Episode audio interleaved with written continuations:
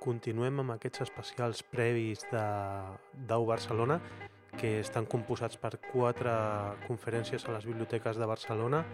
Avui, en aquest eh, episodi número 26, tenim la tercera de les eh, quatre conferències. Aquesta és la que es diu Del llibre al tauler, per Josep Maria Ricard, més conegut com Xema Pamundi.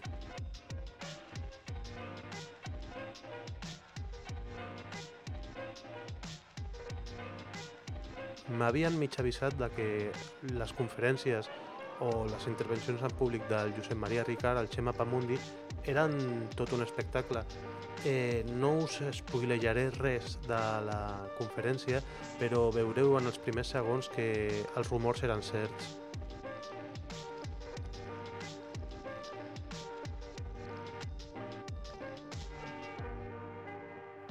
Part de tot el contingut de la xerrada de la conferència del Josep Maria Ricard, que és com una mena de classe de història dels jocs de rol, sí que us recomanaria que prenguéssiu molta atenció sobre el minut 43 d'aquest episodi perquè és quan ell comença a recordar algunes partides passades i només m'agradaria que tinguéssiu en compte aquest exemple com a un exemple de, de metajoc, no? de quan es parla d'això, quan es recorden partides i és super divertit com ho recorda i és molt vivencial. De fet, el, el que té el joc de rol és això, que pot generar molt més metajoc, mm, molt més intens, molt més vivencial que no passa als Eurogames. Jo fa poc parlava a la secció de la ràdio que el 30 carats generava metajoc, però comparat amb, amb totes aquestes històries eh, no té res a veure, és un altre món.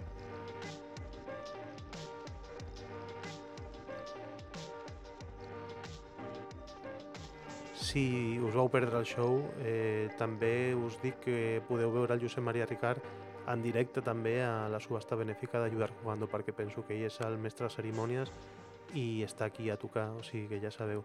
Ara us deixo ja amb la conferència. Vinga, que vagi bé.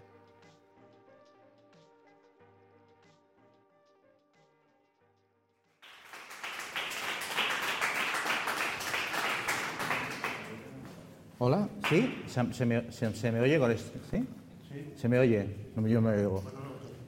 Ah, aquí. Vale. Entonces, ¿esto que me has puesto? Ah, ah.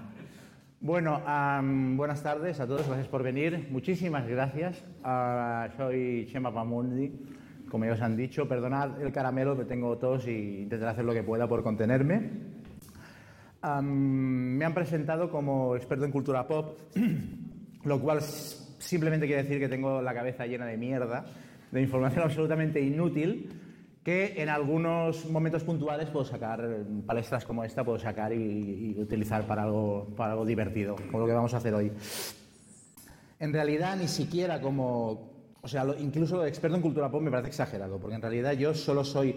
Solo hay dos temas en los que sea lo suficientemente experto como para poder dar una charla. Eh, uno es eh, los juegos de rol, que es lo que más o menos voy a intentar tratar hoy, se va a centrar en los juegos de rol la charla.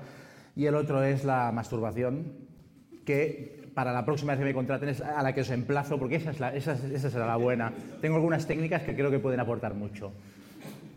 Eh, una vez dicho esto, me gustaría aclarar también que es mi primera, es mi primera charla.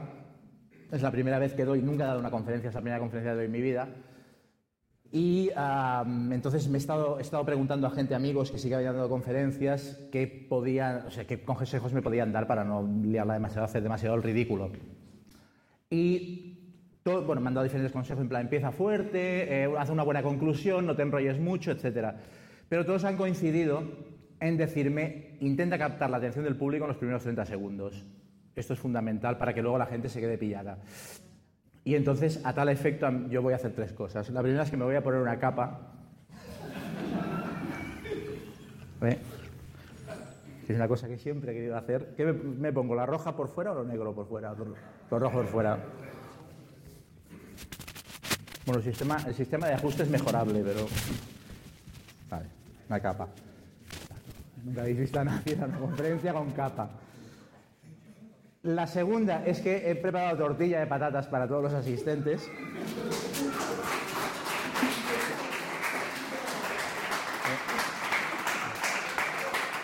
Ver, he hecho, he hecho una con cebolla y una sin cebolla, pero se han acabado mezclando los tacos. O sea que Lo siento. Y no, he, traído nada para beber. O sea, a ver, si alguien quiere bajar a pillar unas cervezas o lo que sea, yo, llevo. Tengo el monedero y de verdad, ¿eh? No tengo ningún problema. la que rulen.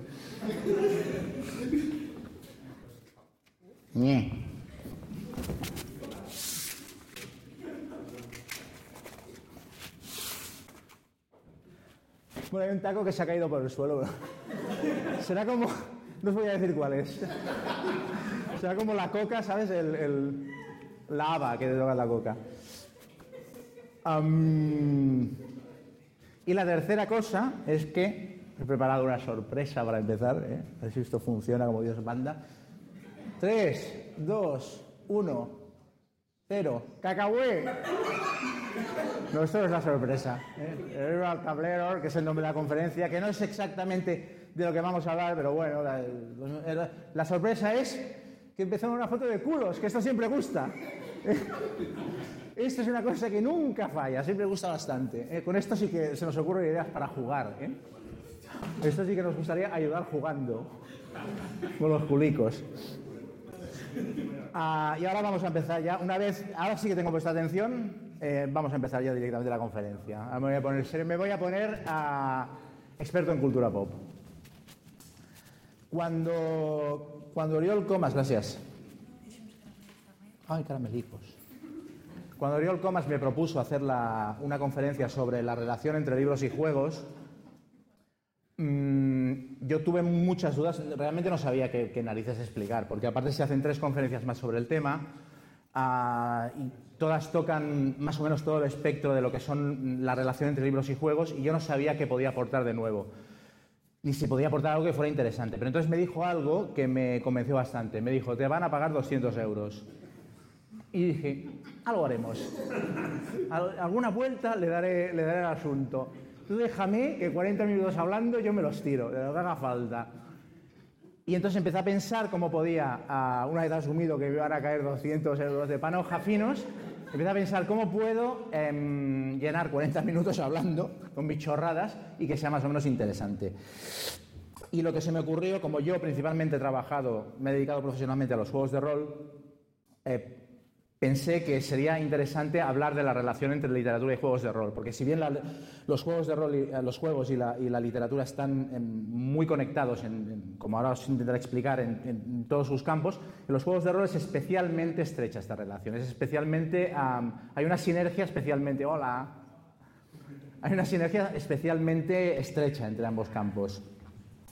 en realidad, lo que me gustaría hacer para empezar es mm, desmontar un, mito que está bastante establecido, que es que em, los libros, la lectura y en general cualquier actividad, cualquier consunción de cultura, eh, ya sea audiovisual, películas, televisión, etcétera, pero por centrarnos en los libros, la lectura es una actividad pasiva en la que tú simplemente te dedicas a absorber información de lo que te da el, autor y la vas procesando y no estableces ningún tipo de, interacción con el libro que estás leyendo. Yo no estoy demasiado de acuerdo con esto y de hecho me gusta bastante una frase de, Kim Munzo, que la leí, no me acuerdo dónde la leí, o sea que posiblemente lo citaré mal. Creo que lo leí en un artículo de La Vanguardia, que lo que venía a decir es que cuando empezabas un libro, que la cava me está matando, ha dejado de tener gracia hace rato. Cuando empiezas a leer un libro, es como si estuvieras en una habitación llena de puertas abiertas. Y a medida que el libro avanza y el autor te va llevando por vericuetos y la trama se va acotando, las puertas se van cerrando a tu alrededor y te va llevando por, por un camino cada vez más estrecho. Y a mí esta es una imagen que me gusta bastante porque implica una cosa con la que yo siempre he estado de acuerdo, que es que en toda lectura se establece un juego entre el autor y el lector. O sea, cuando tú estás leyendo cualquier obra de ficción no puedes evitar imaginarte por dónde te va a llevar el autor y luego verse acertado o no. Yo me acuerdo mucho de cuando era crío en, en, EGB, eh, con uno de mis mejores amigos, Ray, eh, quedábamos a la salida, eh, a la hora del patio, hubo una época que quedábamos en la biblioteca del colegio y nos estuvimos leyendo La Isla del Tesoro, los dos a la vez, acabando cada día en el mismo capítulo, y entonces comentábamos lo que habíamos leído y hacíamos proyección de lo que podía pasar a continuación en el libro. Y entonces, sin darnos cuenta, en realidad lo que estábamos haciendo era jugar. Estábamos cogiendo una obra literaria y estábamos jugando con ella. Y creo que esto, en mayor o menor medida, cualquier persona que lea ficción más o menos lo hace. Y las relaciones más directas entre libros y juegos lo único que hacen es em, em, reglar eh, esta, este tipo de relación de una manera más estructurada. O sea, por ejemplo, los, los, los librojuegos que conocéis todos, incluso los libros de colorear, pero los librojuegos, por centrarnos en algo un poquito más, más elaborado, los librojuegos no son más que libros normales en los cuales la historia está desordenada y te lleva del punto A al punto B, pero si eliges abrir la puerta o acariciar la cabeza al enano, vas por otro lado y tal. Pero al fin y al cabo es exactamente lo mismo. Mm, una vez dicho esto, hay algunos libros que sí que han tenido, que han intentado jugar con el, con, con, el asunto de jugar, con el asunto de proponer al lector em, dilemas o enigmas o puzzles o etcétera.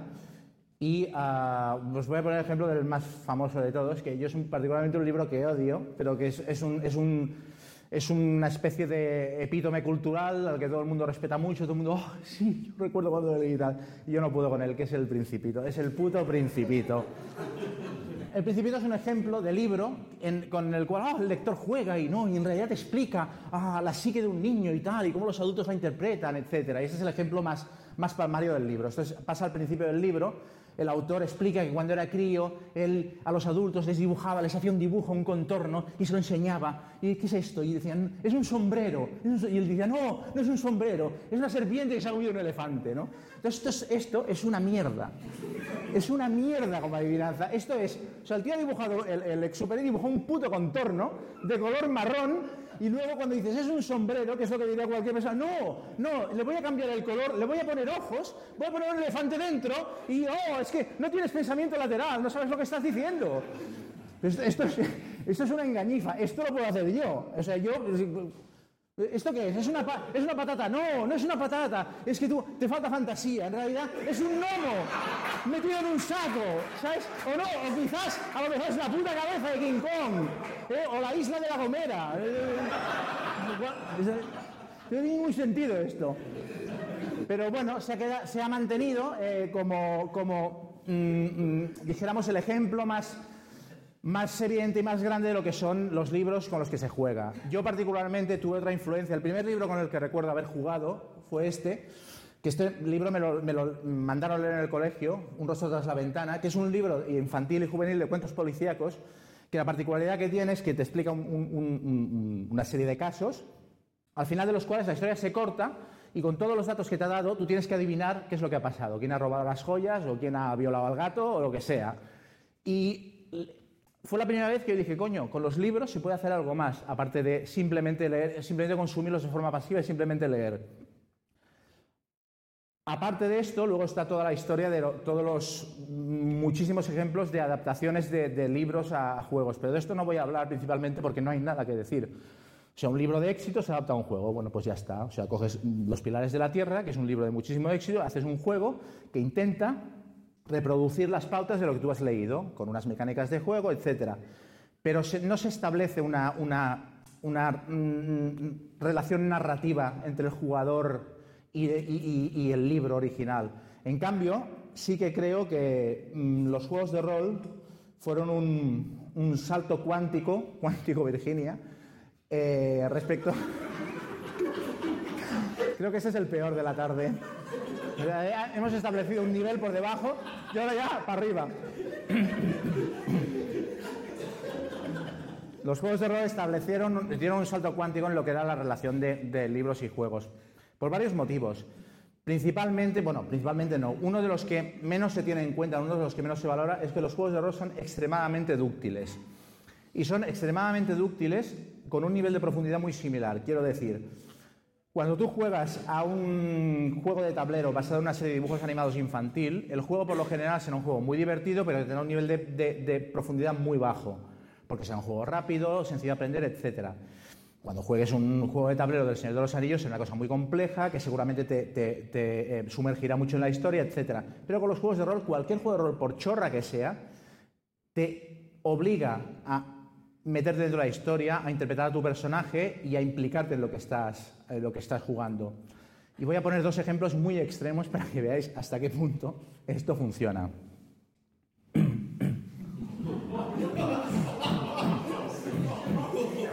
Esto no es un fake. Eso es un juego de rol de 1980. Este juego lo, este juego lo diseñó el diseñador del Panzer Blitz. Que no sé si lo conocéis, pero es un wargame de kilo y medio Y ah, para que os hagáis una idea del nivel de terror que, que estamos viendo, este es uno de los primeros juegos de rol franquiciados que se, publicaron. Se publicó bastantes años antes un juego de rol de Dallas que un juego de rol de la Guerra de las Galaxias, para que os hagáis una idea. O sea, esto demuestra hasta qué punto cualquier cosa se puede convertir en un juego de rol. Claro, yo no sé, yo no tengo, ni, yo este juego no lo tengo, no tengo ni puñetera idea de qué coño jugabas con esto. O sea, porque normalmente en los juegos de rol modernos eh, hay un grupo de investigadores que resuelven misterios y escenas de acción. Entonces, claro, me imagino la barbacoa de los Ewing y de repente entra un tío con una katana, uno con dos UCIs, y yo sé, ¿estos quiénes son? Son primos de JR. O pero bueno, eh, a alguien le pareció que aquí había, aquí había un tema para hacer un juego de rol. Y si esto os parece aberrante, el que viene ahora ni os cuento. Esto es un juego de rol. Esto es una. O sea, el juego fue tan popular, el juego, la, la, edición original del juego era mucho más cutre, es anterior, etc. Pero GURPS, que es uno de los juegos de rol más famosos que hayan existido nunca, compró la licencia para hacer una, una, una, versión propia. Esta es la portada que tenéis aquí. Esto es un juego de rol basado en una novela infantil y juvenil que se llama La colina de Watership. Eh, que va sobre unos conejos que bueno, tienen unos problemas en la madriguera, unas circunstancias, y tienen que mudar y viven mil aventuras y tal. Entonces, Aquí llevas putos conejos. Pero no estoy hablando de las tortugas ninja. Bueno, hay, te puedes comprar una habilidad, o sea, los conejos pueden tener una habilidad que se llama Bun Fu, que son unas artes marciales conejiles y tal. Pero llevas putos conejos, o sea, ni siquiera son animales antropomórficos, son conejos, haces el conejo. Y, y, cosas de conejo, y hablas en conejo y tal. Y a alguien le pareció que esto daba de sí para hacer un juego de rol. O sea, hasta este punto los juegos de rol son dúctiles. Y seguramente, si juegas a Bunnies and Burrows, te saldrá una partida con el mismo nivel de profundidad que si jugaras a Rolemaster.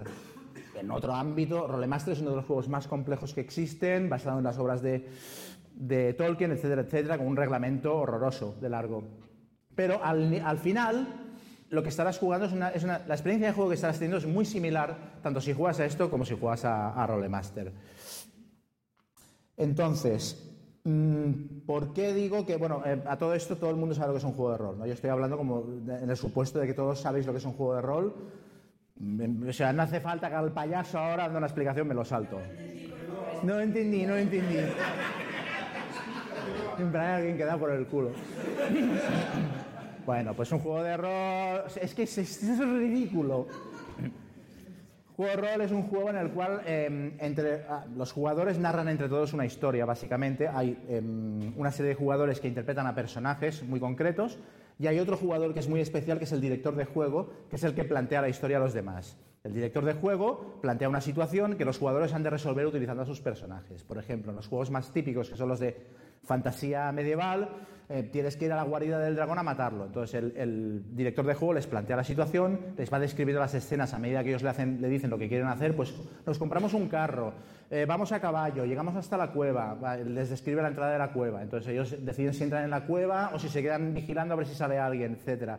Y luego hay una serie de reglas, todo esto es narrativo, es un diálogo entre el director de juego y los jugadores, ellos le van diciendo lo que quieren hacer y les va diciendo el resultado.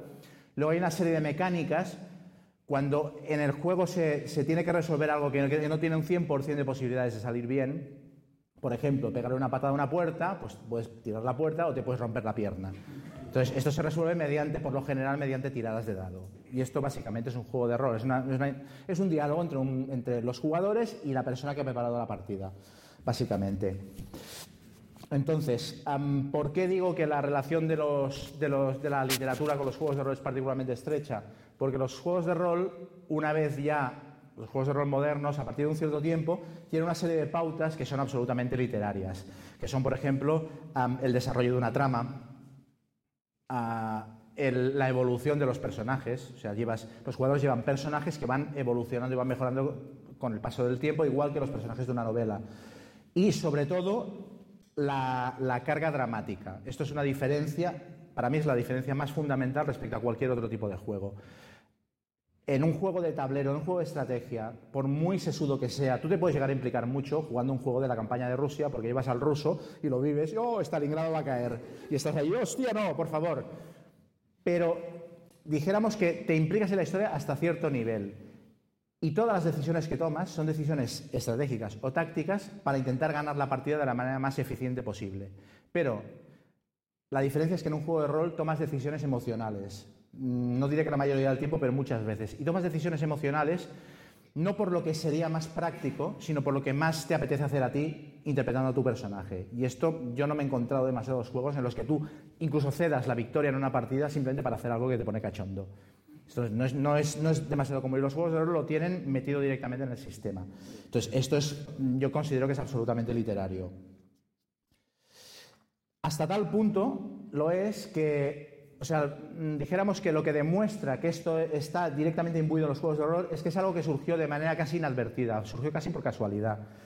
De hecho, el primer juego de rol que se publicó nunca, que es Dungeons and Dragons, eh, diseñado por Gary Gygax y Dave Arneson, no incluía ninguna de estas mecánicas. Eh, si os fijáis aquí, no sé si se lee, pero pone, en inglés pone reglas para eh, campañas de juegos de guerra medievales fantásticos que se juegan con Podrían haber buscado un subtítulo más corto, también tú dic. Que se juegan con papel y lápiz y miniaturas. Aquí no pone rol, interpretación en ningún momento, en ningún caso. Y esto es porque los diseñadores del juego no sabían exactamente lo que estaban haciendo. Dave Arneson y Gary Gigax venían del mundo del wargame. Eh, Dave Arneson venía del mundo de los wargames napoleónicos, concretamente.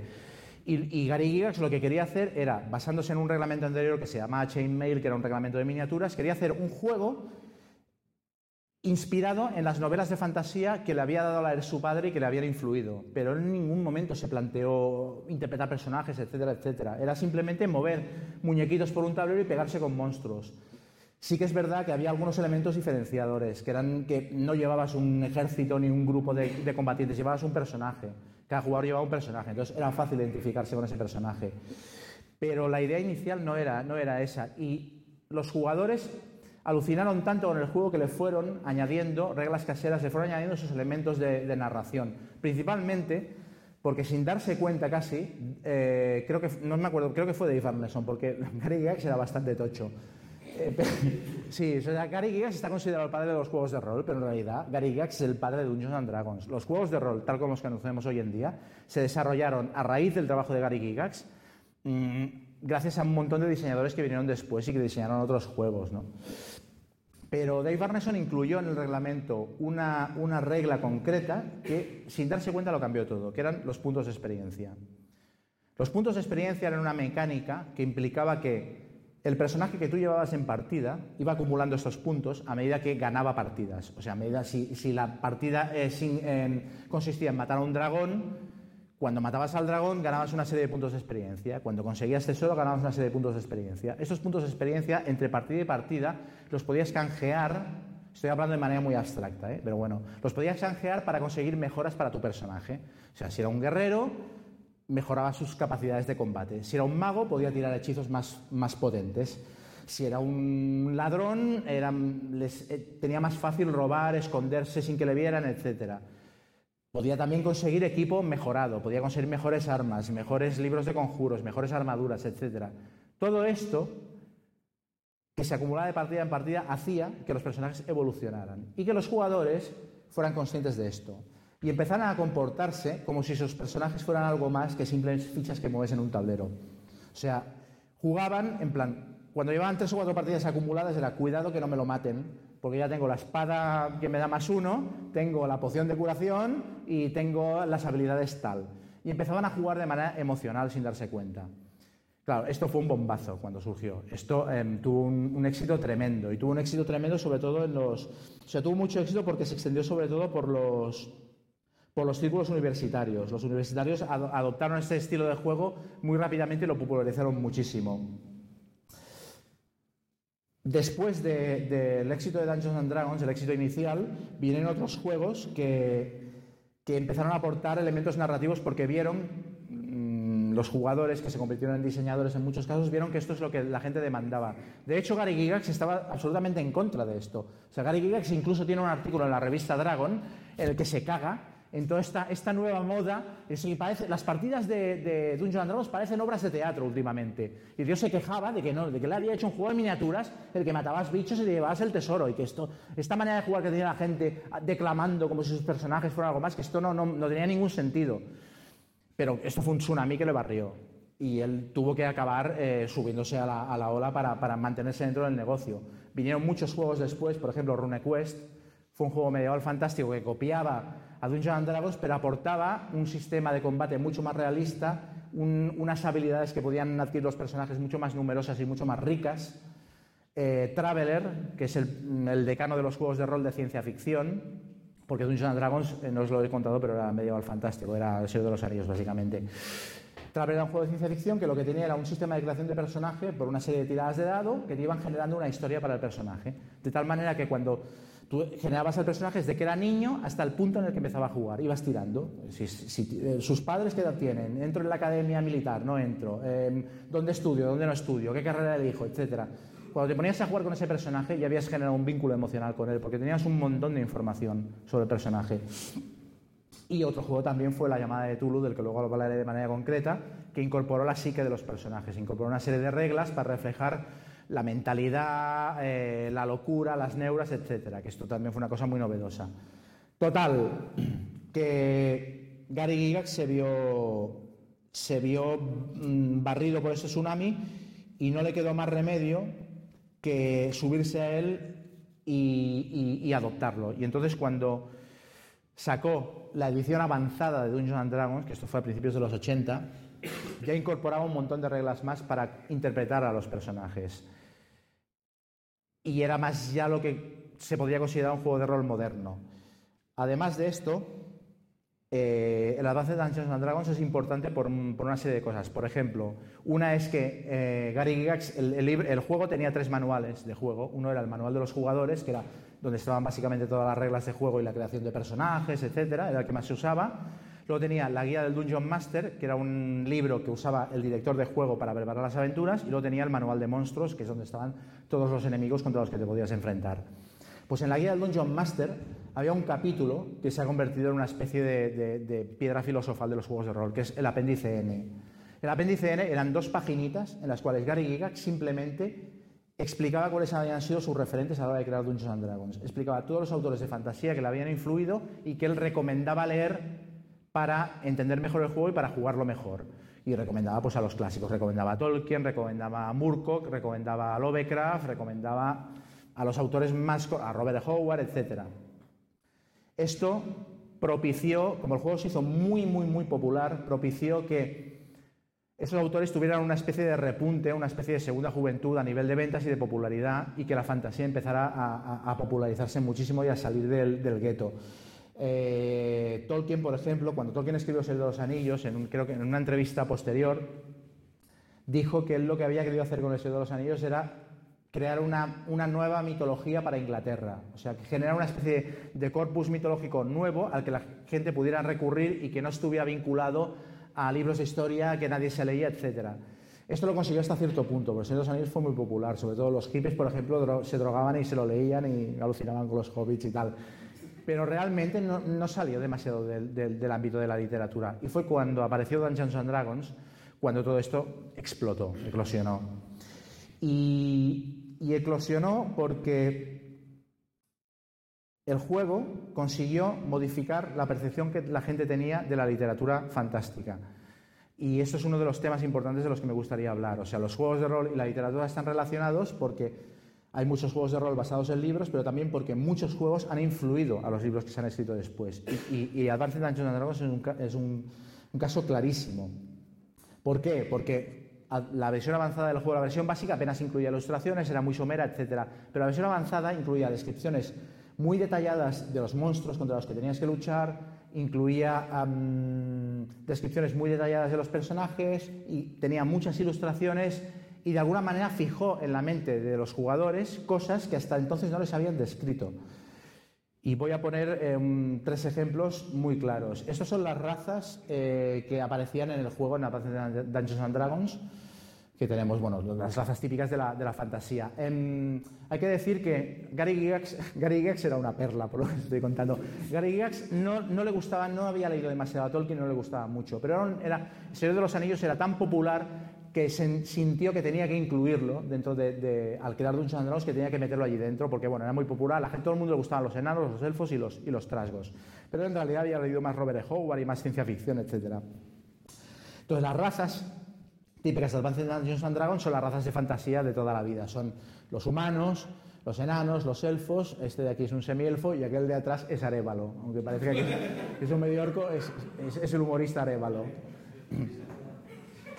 Entonces, si os dais cuenta, aquí no, se ve, no sé si se ve mucho, pero la elfa, espera que tengo aquí, estoy haciendo lo ridículo, tengo un láser. La elfa tiene las orejicas de punta, ¿eh? ¿O no? Bueno, Tolkien jamás dejó claro que los elfos del Señor de los Anillos ni del Hobbit tuvieran las orejas de punta. Esta chorrada que os acabo de decir es un debate que lleva el, Señor de los Anillos se publicó en el año 50 y pico, pues mira, cuenta, lleva 70 años debatiéndose. En los foros de internet, si entráis ahora mismo, hay debates encendidos sobre si los elfos tienen o no las orejas de punta. De hecho, Tolkien tiene cartas en las que se cartea con otros autores y explica que se equivocó, no tendría que haberles llamado elfos, no tendría que haberles llamado elfos porque la gente piensa en elfos y se acuerda de, las criaturas feéricas de los bosques y de los duendecillos y de su puta madre. Y esto no es lo que quería, porque yo los dos anillos he descrito a los elfos como criaturas muy parecidas a los humanos y esto no es lo que tenía que ser, etcétera, etcétera. Pero hay argumentos a favor y en contra. Da lo mismo. Dungeons and Dragons, cuando tuvo que tomar la decisión de ilustrar a los elfos, los dijo con, con orejas de punta. ¿Y qué pasa? 30 años después, o 40, no sé exactamente cuándo, se hace la película de los Anillos y ¡oh! Orejas de punta. ¿Por qué? Porque la gente ya tiene metida en la cabeza, en la puta cabeza, que los elfos tienen las orejas de punta a través de un montón de obras de fantasía que ha ido leyendo y un montón de cultura que ha ido absorbiendo, pero que nace del juego de rol, nace de Dungeons and Dragons, no nace de Tolkien. Otro ejemplo, el Balrog. ¿Os acordáis de la película, el Balrog y tal? En ningún punto del Señor de los Anillos se dice que el Balrog tenga alas. Lo máximo que se dice, cuando están en Moria y aparece Gandalf y no puedes pasar y tal, y a ver quién la tiene más gorda, se describe al Balrog como una criatura que avanza cubierta en una nube de sombra que parecen unas alas o algo así. Esto es lo máximo que se dice. De nuevo, el ilustrador de Dungeons and Dragons, cuando tuvo que mostrar, bueno, esto no es el Balrog, le llamaron Valor, porque no tenían los derechos de los nombres y tuvieron que cambiar dos letras para no. Pero bueno, es el Balrog, básicamente lleva, lleva el látigo y la espada flamígera y tal. Entonces, cuando tuve que ilustrarlo, le puso alas. Y esta es la imagen que se le quedó grabada a la gente. ¿Y qué pasa? Que años después, cuando se hace la película de los Anillos, esto no se va a ver una mierda. ¿Eh? Sí, apaga un moment las llums, que os vegi la... ¡Oh! ¡Oh! Tiene alas. Decían que no podía volar. Pero, tiene alas. Y el de, el de Ralph Baxi, de la película de los Anillos de los años 70, que parece el cantante de Bonnie M con un ala delta, también tiene alas. También tiene alas. y esto es influencia directa del juego de rol. Mira que se me ha quedado esto clavadico. Otro ejemplo son los... Ya pots obrir, ya pots encendre el llum. Si eran las únicas dos que donaban problemas los, orcos, los trasgos, etcétera, etcétera. La única descripción que dio Tolkien al respecto es que son criaturas muy deformes, etcétera, de piel cetrina, o sea, amarillenta y tal y cual. En cambio, en Dungeons and Dragons se unificaron los trasgos y los orcos, se les dio una, imagen muy unitaria y se, decidió que eran de color verde. Se decidió que los orcos y los trasgos eran verdes y a partir de entonces los orcos y los trasgos en la fantasía son verdes. Nadie lo ha puesto en discusión. Cuando se hizo Warhammer, que fue uno de posiblemente tuvo más influencia que Dungeons and Dragons a la hora de fijar la imagen de los, de las razas orcas y, trasgos, los pintó de, color verde en las portadas de sus libros y la gente asumió que eran de color verde y aquí se acabó la discusión. Este es el orco típico de Warhammer, que es, bueno, es, lo que se convirtió en el, en el, en el, coño, ¿cómo se dice? En el, en el paradigma, el paradigma me gusta. Es una palabra que pocas veces tengo ocasión de utilizar se volvió el paradigma de lo que era un, orco y a partir de ahí se hicieron un montón de novelas de fantasía, un montón de otros juegos en los cuales los orcos eran de color verde. Y ahora voy a poner un ejemplo muy chorra, pero que me afecta a mí personalmente. Esto es Dragonadas, que es un TVO que hice con, con Joan Guardiet. Esto no es el TVO Dragonadas, sino que es la tira de Dragonadas, que fue una cosa que hicimos después para la revista Dragon. Pero el hecho es que en, la, en Dragonadas salían globins, que eran, que eran goblins, que eran trasgos. Entonces, Dragonadas, el, sistema de trabajo que teníamos era que yo tenía todas las decisiones sobre el guion y Joan tenía todas las decisiones sobre la parte gráfica. Yo le pasaba unos layouts con unos esquemas muy básicos de los, personajes, pero él podía tomar todas las decisiones. Y sin hablar con ninguno de los dos, él decidió que los trasgos eran de color verde. ¿Por qué? Porque Dragonadas era una parodia de los elementos clásicos de la fantasía. Y los dos asumimos que los trasgos tenían que ser de color verde y aquí se acabó la discusión. Esto demuestra hasta qué punto eh, los juegos de rol influyeron en toda la narrativa fantástica que se hizo después. Eh, me ha quedado fino, fino esto. ¿eh? Vamos con otro ejemplo bastante sintomático, que es la llamada de Tulu. La llamada de Tulu es uno de los juegos de rol más importantes que nunca ha existido, basado en las obras del escritor H.P. Lovecraft, que bueno, son relatos, la mayoría son, hostia, el moscardón del, de Yugoth. Eh, son eh, criaturas extraplanares que, viene, que vienen a la Tierra a intentar dominarla, etcétera, etcétera, y los protagonistas de los relatos son gente que se ve atrapada en este tipo de dilemas y tiene que destruir a estas criaturas, etcétera. Es un juego de lo que se llama terror cósmico. La llamada de Tulu tuvo una génesis bastante peculiar. Chaosium, que es la empresa que publicó el juego, eh, encargó a, un diseñador, que no, he conseguido encontrar el nombre, el proyecto de hacer un juego basado en, las obras de Lovecraft, en la llamada de Tulu. Y paralelamente había un chaval que se llamaba Sandy Peterson, que era súper fan de, los relatos de Lovecraft, que les envió a Chaosium, contactó con Chaosium, Chaosium publicaba RuneQuest, que es otro juego de fantasía del que antes os he hablado. Eh, Sandy Peterson contactó con Chaosium para decirles, he tenido una idea para hacer un suplemento, un, libro con datos adicionales para RuneQuest basado en las tierras de los sueños, que es una de las cosas sobre las que escribía Lovecraft. Cuando la gente se duerme, en teoría, su, su, espíritu se va a una especie de tierras oníricas en las cuales hay criaturas fantásticas, etc. Y a él le gustaba mucho, él era muy, muy, muy fan de Lovecraft. Entonces le propuso a Chaosium, yo tengo una idea para hacer un tratamiento, un suplemento de RuneQuest ambientado en este mundo. Y Chaosium dijo, bueno, esto, si hay un caso ya le llamaremos. Entonces, cuando la persona que tenía que encargarse del, proyecto de hacer el juego de la llamada de Tulu, mm, por circunstancias tuvo que dejar el proyecto, llamaron a Sandy Peterson y le dijeron si le interesaría hacer el, juego. Y el tío, hombre, evidentemente saltos de alegría. Cogió el proyecto con muchísima ilusión y enseguida chocó frontalmente con Chaosium. Él era un fan de Lovecraft tremendo que quería hacer eh, un juego muy, muy, muy fiel a Lovecraft. Entonces, por ejemplo, una de las cosas que quería hacer es ambientarlo en la actualidad.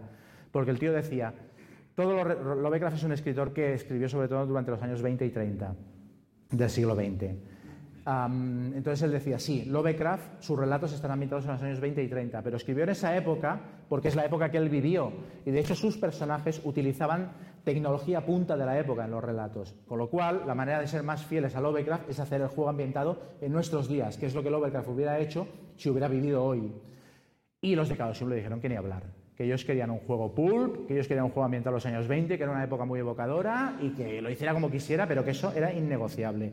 Y que de hecho que se olvidara de estas historias que tenían en la cabeza porque Lovecraft les parecía un escritor muy mediocre, que habían comprado los derechos porque tenía un, universo de monstruos que tenía cierta chicha, pero que, era, que ellos lo que querían hacer un juego de terror ambientado en los años 20 y punto el tío, hizo lo que le dejaron, básicamente. Hizo, hizo la llamada de Tulu con, los, elementos que le dejaron poner en el juego.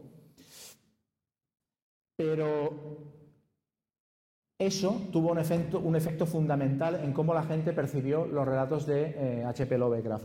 Porque hubo muchísima gente que descubrió a Lovecraft después de haber jugado la llamada de Tulu. Entonces jugaban la llamada de Tulu y luego se leían los relatos de Lovecraft y se dan cuenta que aquello no tenía nada que ver una cosa con la otra. las primeras aventuras que se publicaron para la llamada de Tulu sí que se parecían a, como eran cortas, se parecían a relatos cortos de Lovecraft, pero sobre todo cuando empezaron a publicar aventuras largas, como Las sombras de Yogg-Sothoth o Las máscaras de Nyarlathotep, que es la más famosa, eran, eran aventuras muy largas que se parecían más a Indiana Jones con monstruos que a otra cosa. Eran, eran coge la Tommy Gun y dispara y tal, y patada en la puerta y usted no sabe con quién está hablando y este tipo de cosas.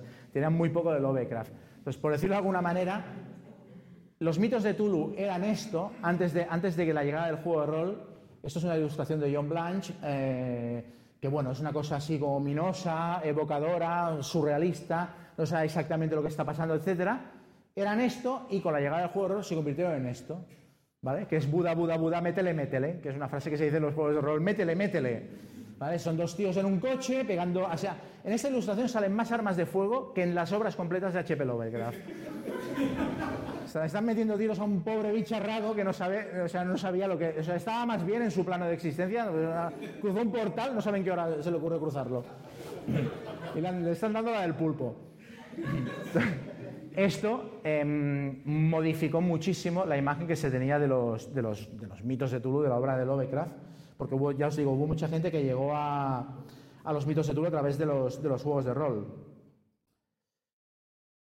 Esto tuvo una popularidad, una popularidad... Sí, perdona. ¿Es veu millor? Sí, no es veía una merda, no?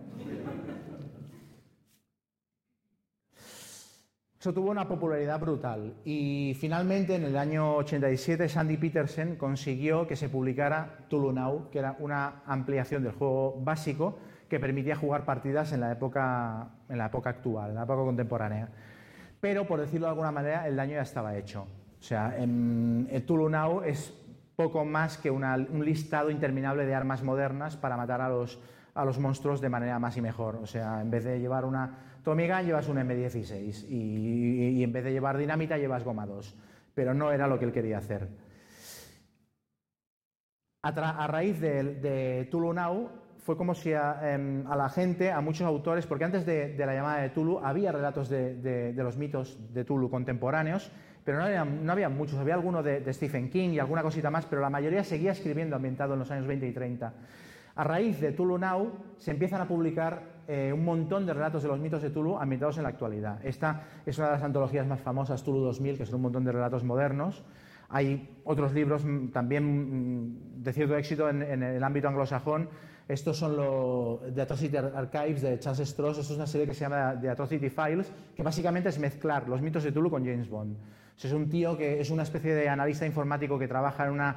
en, en un. en un. joder en una agencia gubernamental británica eh, que investiga casos paranormales. Y el tío, bueno, empieza como informático y acaba el rollo de James Bond con una pistola pegando patas en la puerta y pegándose con los, con los cultistas, etcétera, etcétera. Son novelas con un montón de acción y con muchísimo suspense. Delta Green, esto es muy famoso, esto es una ambientación del juego de rol de la llamada de Tulu que salió a mediados de los 90, que da un tono también de mucho espionaje, policíaco, etcétera. Esto es una novela de Delta Green va ambientada en la Segunda Guerra Mundial. O sea, salen nazis y es muy, es muy pulp, es muy aventuras pulp. Eh, quiero decir que el juego, como hemos visto, el juego de rol de la llamada de Tulu modificó por completo la percepción que la gente tenía de los mitos de Tulu. Y hubo otro factor que modificó esa percepción, que fue la banalización que se llevó a cabo de los mitos de Tulu. Desde el primer momento, la llamada de Tulu fue un juego que movió mucho al humor hasta el punto de, en el mismo juego, o sea, en, esta edición que hay aquí del juego la llamada de Tulu, hay canciones paródicas al final del juego. A ver si encuentro, hay, una que es muy graciosa. Hay, o sea, ellos mismos se lo tomaban a chunga, porque el juego era, una de las cosas que tenía el juego es que era, era letal para los personajes. O sea, em, se enfrentaban con terrores cósmicos tan bestias que la mayoría de las veces los personajes se acababan muriendo. Entonces, había en las convenciones de juegos, en las partidas de rol, la gente las acababa mirando y se partía la caja porque la gente los personajes morían de maneras absurdas. Y hay una especie de regla no escrita que si no te encariñes mucho con tu personaje de la llamada de Tulu porque va a acabar muriendo. Entonces, esto dio lugar al humor y a, muertes cada vez más idiotas. Yo, tengo, yo, yo mismo yo arbitré una partida, una campaña, que una, campaña es una partida larga de la llamada de Tulu que dura mucho tiempo. Yo arbitré una, campaña que duró tres años, jugando cada semana, en la cual hubo un jugador al que le, maté, yo era el director de juego, le maté ocho veces al personaje. Y ese jugador está en esta sala. Y es aquel de allí, Pera Crua. Que no se merece no se merece un máster tan hijo puta como yo, porque es posiblemente uno de los mejores jugadores de rol con los que he jugado, pero le mataba a los personajes de manera sistemática y de maneras absurdas. No me voy a, poner a contar batallitas de rol, pero en aquella campaña hubo un personaje que lo, acuchillaron unos esquimales. Al siguiente eh, hubo uno que se lo comieron unos perros. Hubo otro que... hubo, un combate, un combate con eh, unos árabes estaban disparando con una ametralladora entonces yo dije, y él estaba dentro de un camión rollo Indiana Jones pegándose con un malo. Entonces yo dije, voy a hacer una tirada de bala perdida. Y, la bala perdida tenía un 0,0,05 de darle. Y el tío cuando me vio tirar el me dijo, estoy muerto. lo tenía tan claro, dijo, estoy muerto. Y sí, sí, o sea, fui sacando las tiradas y la bala le dio en el puto colodrillo.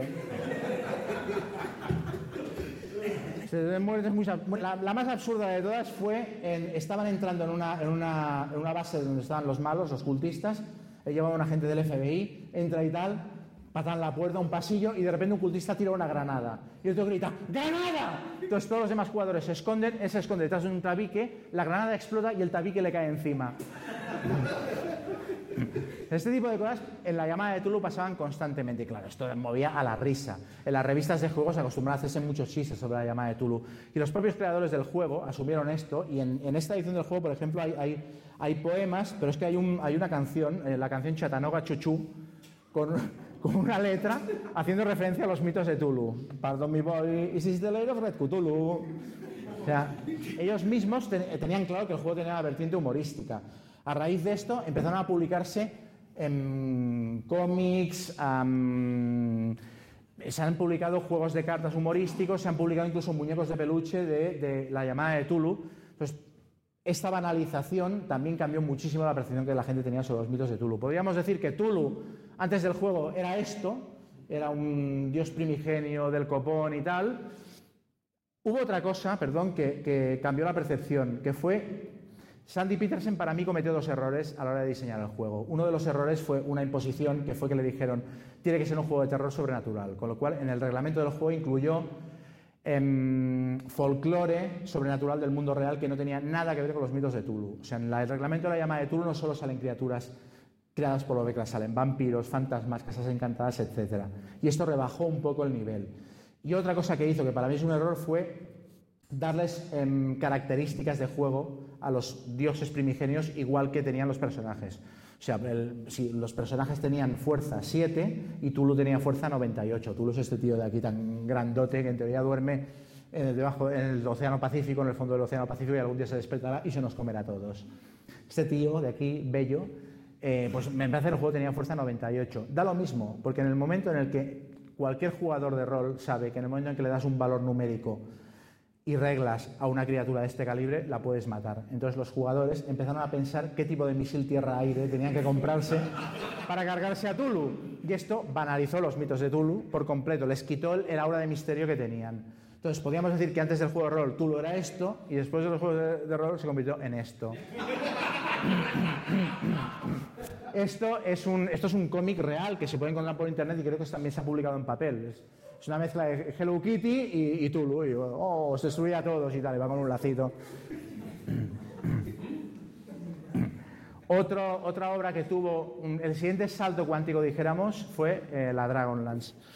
Eh, la Dragonlance es un intento de la, la, empresa que publicaba Dungeons and Dragons, es un intento por crear una saga épica a la altura del Señor de los Anillos. Hasta entonces, las aventuras, las, partidas de rol se jugaban en un formato que se llamaba sandbox. Que sandbox es las cajas de arenas con las que juegan los niños. ¿Qué significaba sandbox? Las aventuras eran muy esquemáticas. La aventura más famosa de Dungeons and Dragons posiblemente es La Fortaleza en la Frontera, que es una aventura con la que casi todo el mundo que ha empezado a jugar a Dungeons and Dragons ha empezado a jugar, como mínimo en los años 80 y 90. Y nada, es un mapa, es una fortaleza en una frontera y hay unas cuevas a cierta distancia y entonces los personajes están en la fortaleza y se van habituallando allí y tienen un mapa, ah, en esta cueva, hostia, en esta cueva hay un troll, vamos a meterle al troll y le jodemos el lo que tenga. Y van y le meten al troll y vuelven a la fortaleza. Al día siguiente, coño, mira, aquí hay un bosque en el que me parece que hay una bruja, vamos a meterle a la bruja. Y esto eran las aventuras de rol al inicio. TSR quiso hacer algo parecido a Señor de los Anillos, quiso hacer una cosa que tuviera mm, quizás menos libertad de decisión para los jugadores, pero más, más hilo narrativo, o sea, que fuera más literaria y diseñaron la saga de la Dragonlance, que fue a la vez una serie de novelas y una serie de aventuras de rol.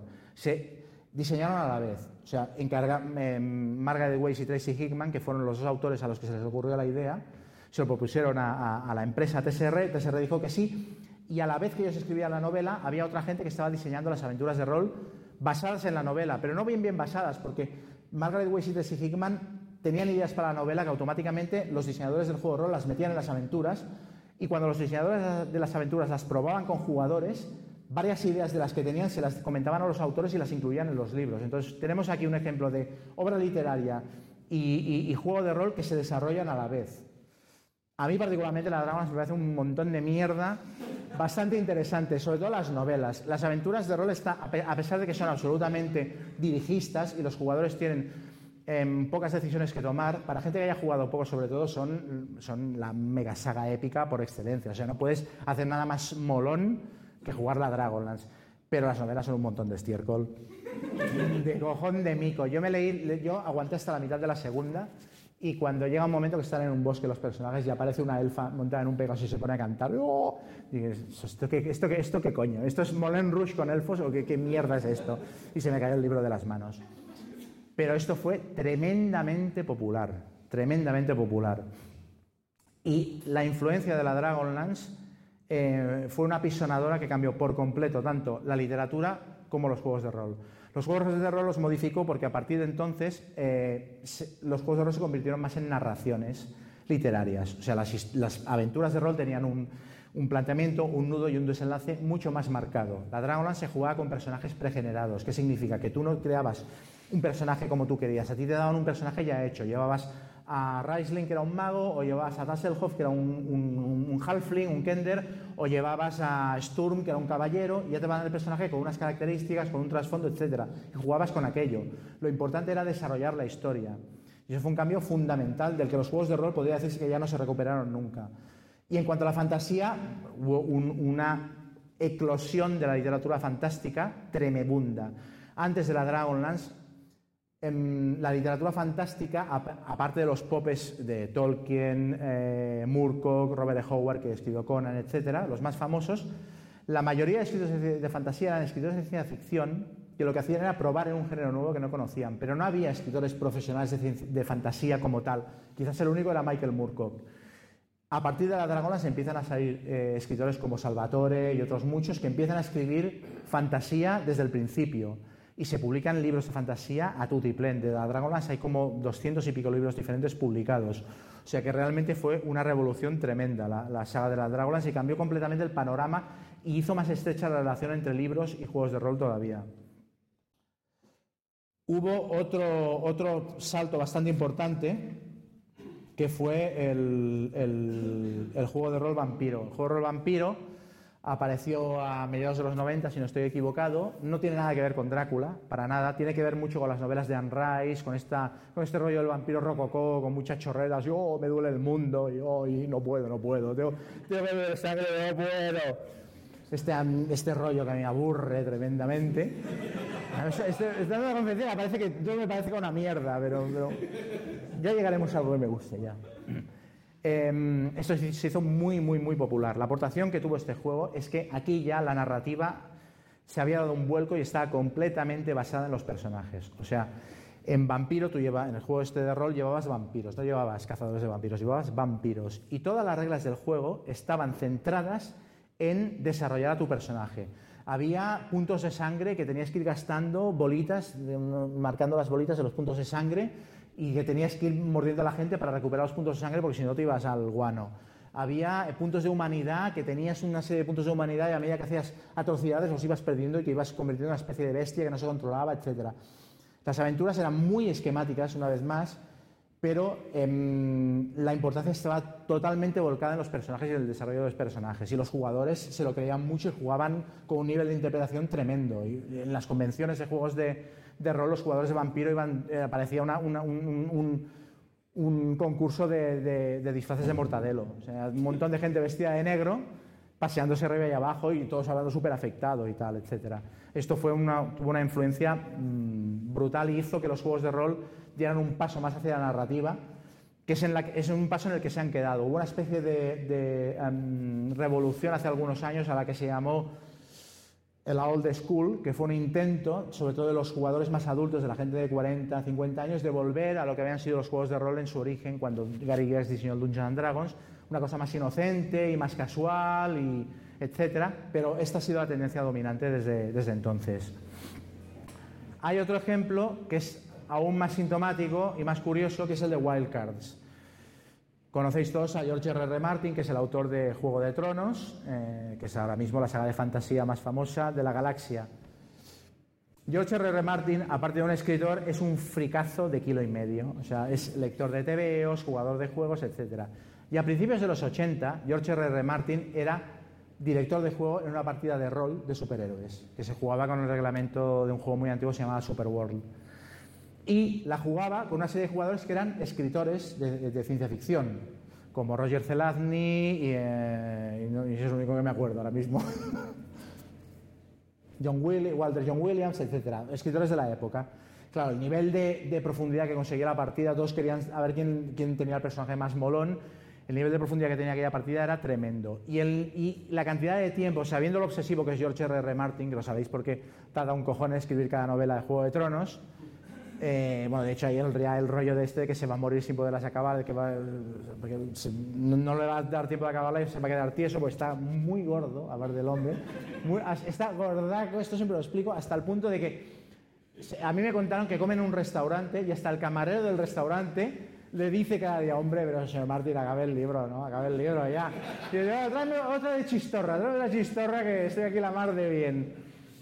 Entonces, José R. Martín es un tío muy perfeccionista, muy obsesivo, etc. Y tarda mucho en escribir y cuando arbitraba partidas de rol les dedicaba el mismo nivel de atención. Y la partida de rol de superhéroes que arbitraba se acabó convirtiendo en un problema que interfería con su trabajo diario. Y al final les dijo a sus jugadores, oye, chatos, nos lo pasamos muy bien, pero ¿qué tal si hacemos algo de provecho con todo esto y dejamos de hacer el vaina? Entonces les propuso la idea de escribir una serie de relatos cortos de superhéroes basados en las partidas que ellos habían jugado y basados en los personajes que ellos se habían creado.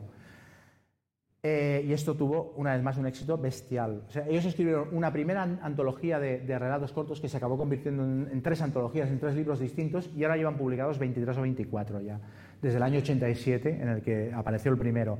Me parece bastante sintomático porque eh, Wildcards apareció por la misma época que aparecieron Watchmen y que apareció eh, el, Caballero Oscuro de Frank Miller, que fueron una revolución en el género de superhéroes. O sea que es evidente que algo estaba pasando con el género de superhéroes a, mediados de los 80 y Wildcards participó de esto. Uh, Wildcards se hizo muy popular hasta el punto de que al final acabó teniendo su propio juego de rol.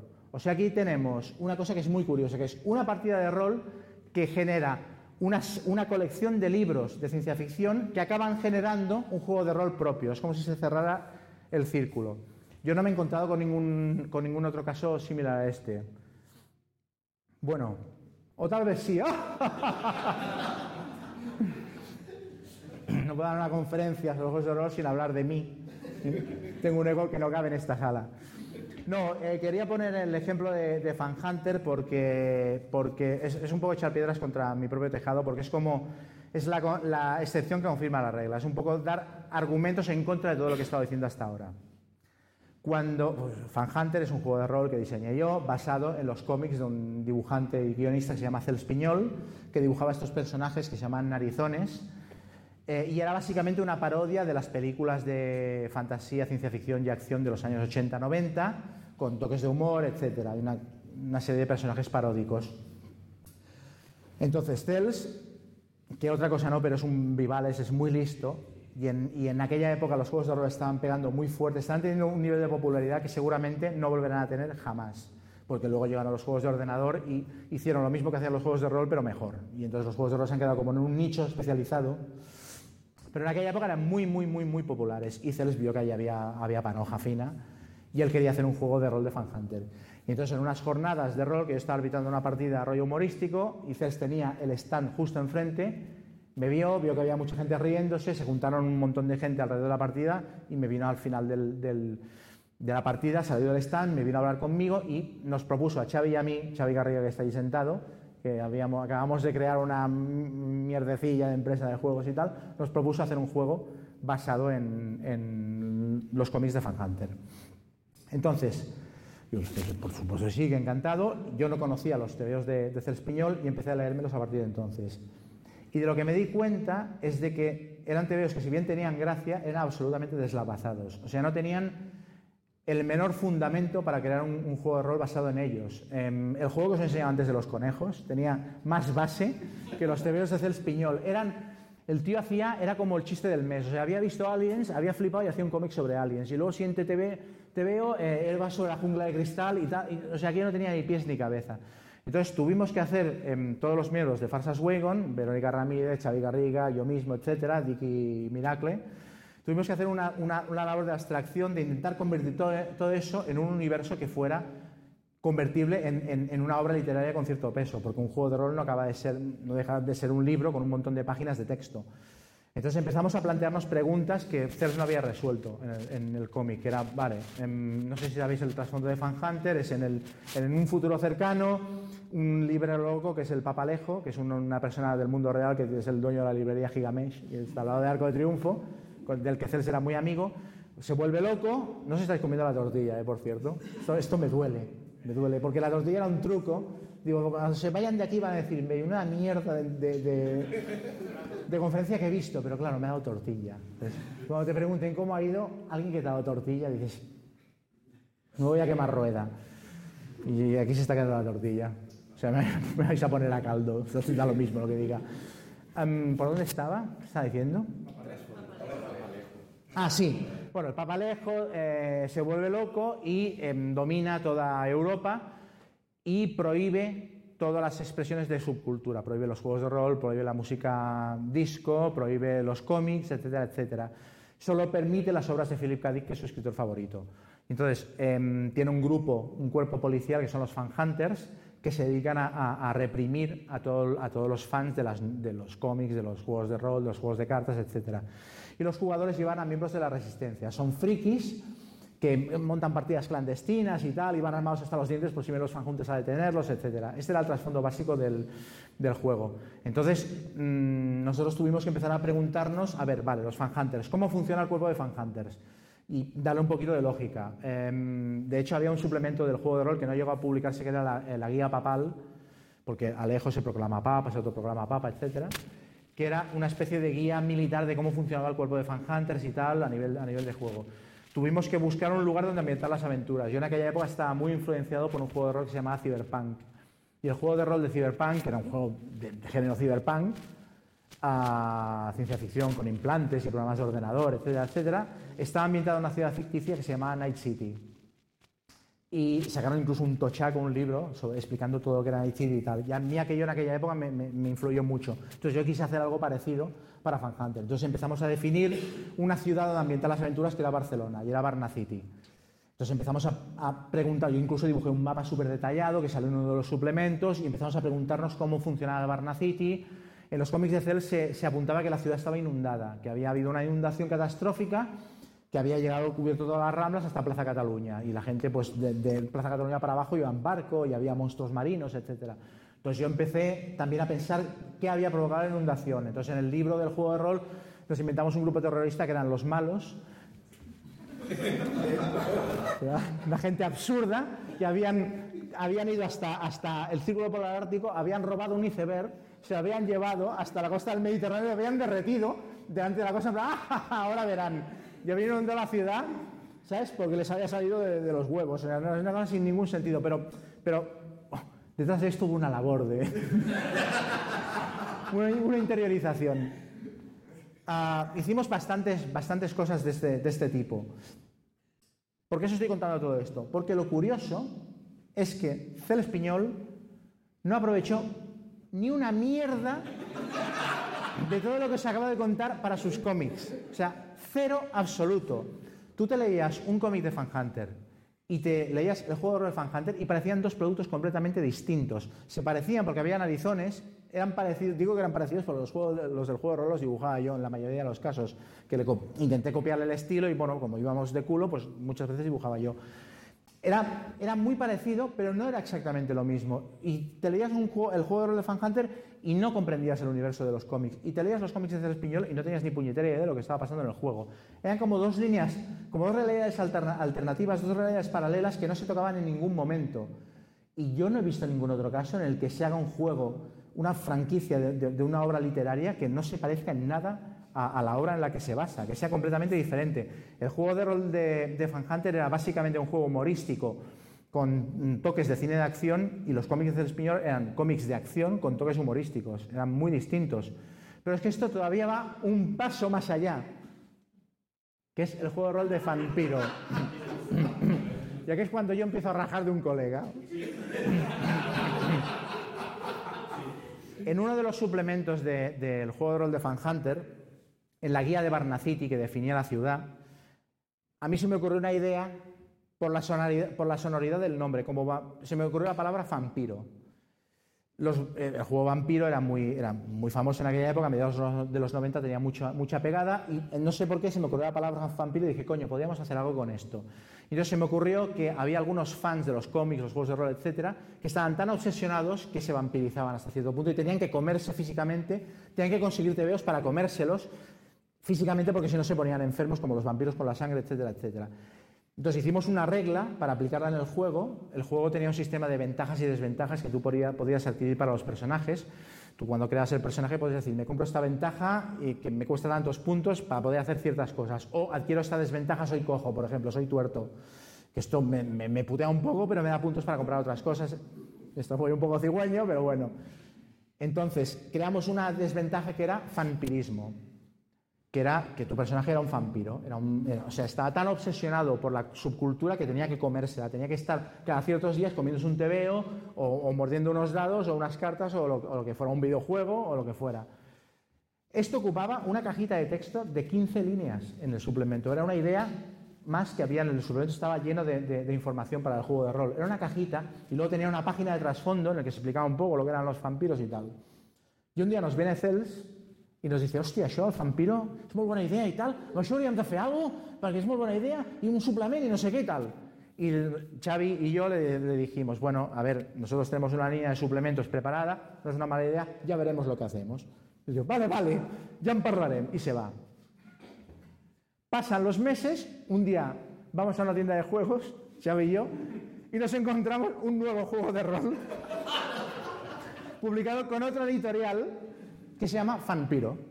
O sea, Cell se fue a otra editorial y publicó un juego que hacía competencia directa al juego oficial basado en sus tebeos y que era una parodia del juego de rol Vampiro. Y lo más curioso del caso es que, de nuevo, Vampiro no tenía absolutamente nada que ver con sus tebeos, con lo cual ya había como tres realidades alternativas. Había los tebeos de Cespiñol, había el juego de Fan Hunter y había el juego de Vampiro y no tenían una mierda que ver uno con el otro. Y los tres iban generando sus suplementos y sus tebeos y sus historias y no se tocaban en absoluto. Y los aficionados se volvían tarumbas, porque no, no entendían exactamente qué mentes enfermas, con lo fácil que sería hacer dos cosas que estuvieran relacionadas y que se, alimente- se retroalimentaran una con la otra. No, no, nosotros hemos creado aquí tres productos que no tienen nada que ver y usted escoja el que mejor le va y tire millas. Entonces, esto yo es, el ejemplo más bizarro con el que me he encontrado en este aspecto y es quizás la excepción que confirma la regla. Es una obra literaria, porque los cómics también para mí son literatura, es una obra literaria que em, es absolutamente impermeable y que da lugar a, un juego de rol que es también absolutamente impermeable a esa obra literaria. Y luego se genera otro juego que es también absolutamente impermeable. Yo no he visto ningún otro caso parecido a este. Ah, y ahora, ya para ir acabando, mm, llegamos más o menos al momento presente. Ya he dejado claro cuál es la, la relación entre juegos de rol y, literatura, que, bueno, que es dos cosas que están muy conectadas, pero luego hay un paso más que es cuando todo esto mm, se asume dentro de la cultura mainstream sin ningún problema. Y yo creo que incluso hay una, hay una fecha que podemos fijar para esto, que es cuando a Peter Jackson le dan 11 putos Oscars por El Retorno del Rey. O sea, esa noche hay un friki que se ha puesto en smoking que, no le, que le viene tres tallas grande, que sube a recoger 11 Oscars, bueno, no su- sube a recoger el de, el de guionista y el de director, pero bueno, le dan a, una película de nanitos y elfitos y dragoncitos, le dan 11 Oscars. Entonces, aquella noche, todos los frikis que estábamos en casa llorábamos, porque veíamos a uno de los nuestros que había sido validado por la cultura, por la cultura mainstream. A partir de aquí, eh, bueno, series de televisión mm, de mucha audiencia como Big Bang Theory tratan el tema de los juegos de rol cada dos por tres sin ningún problema. Una serie como Community, aquí tenemos al señor Chang vestido de, disfrazado de Drow, que es un elfo, un elfo negro del juego de los de Dungeons Dragons, y aquí tenemos a Chevy Chase leyendo un manual de rol. Una serie como Community, que es una serie de cierta audiencia, tiene un capítulo dedicado a los juegos de rol.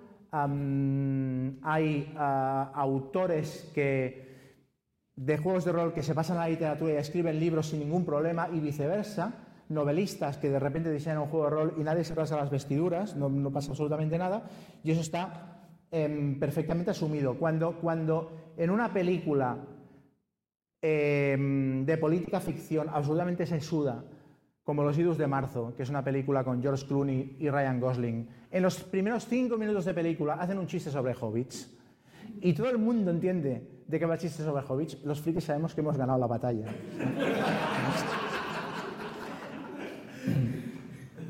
Ah, aparte de esto, hay, por ejemplo, hay un, diseñador de juegos de rol que se llama Sechin Tower, que diseñó un juego de rol Pulp ah, hace algunos años, que da seminarios, es, diseñador de juegos de rol y escritor, y da seminarios sobre literatura. Y cuando em, llega el capítulo de, cómo, se cómo se diseña un personaje literario, la clase consiste en crear un personaje de rol. Les da una hoja a cada uno de los, de los alumnos y genera un personaje de rol, porque él considera que generando un personaje rol sabes todo lo que tienes que saber sobre construcción de personajes literarios. Esto es un, dato evidente sobre la, fusión entre ambos, entre ambos mundos, dijéramos. Y otra más es cuando una novela como Ready Player One, que ha sido superventas en el New York Times, es una novela de ciencia ficción eh, ambientada en un futuro también mm, cercano, distópico, en el cual hay un juego de rol Mm, en vivo masivo rollo World of Warcraft que domina a, todo el mundo y la gente se conecta y está más, más tiempo conectada al juego intentando jugar que viviendo la vida real. ¿no? Y la gente está obsesionada por conseguir una mejor consola para poder jugar de mejor manera al juego. Y el, el, juego está diseñado por un tío que era fanático de los años 80, de la cultura de los 80, y todo el look del juego virtual esto lo hizo con, el look de los, de los 80 y con sus referencias culturales de los 80. Entonces el tío se muere, eh, le da un patatús y se muere, y deja una serie de huevos de Pascua repartidos por el juego. Y dice a todos los jugadores que el que consiga todos los, juegos de, todos los huevos de Pascua heredará su fortuna. Que el tío, es, es una especie de, Steve Jobs, mm, una parodia de Steve Jobs, del tío. Entonces todos los jugadores están obsesionados por encontrar los, los huevos de Pascua y por el juego y tal. Y uno de estos huevos de Pascua es una reproducción exacta de la aventura moderna más famosa de Advanced Dungeons and Dragons, que es la tumba de los horrores. O sea, el protagonista tiene que entrar en la tumba de los horrores, llegar hasta el final para conseguir el, tesoro que está buscando. Y tú, o sea, esto no es simplemente una anécdota, tú puedes coger la novela, yo lo hice cuando la leí, tú abres la novela y te pones al lado la aventura de rol con el mapa abierto y cuadran las descripciones de las habitaciones perfectamente cuando el autor te dice que hay un pasillo largo con un montón de mosaicos en las paredes y con un camino sinuoso de baldosas, es exactamente lo mismo que estás, que estás viendo en el, en, el, juego de rol. Y esto es una novela que mm, se va a adaptar ahora al cine, se va a adaptar a, una gran superproducción de Hollywood y que fue en superventas.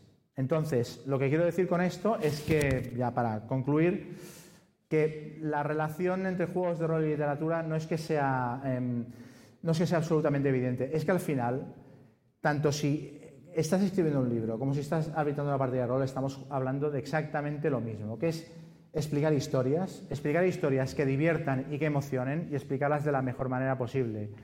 Y, y, esto demuestra que la narrativa al final, cuando hablas de libros o hablas de juegos, es una cuestión de formatos, pero que en el fondo es todo lo mismo. Y para acabar tengo aquí una foto de un gatete disfrazado, que es una cosa que siempre gusta.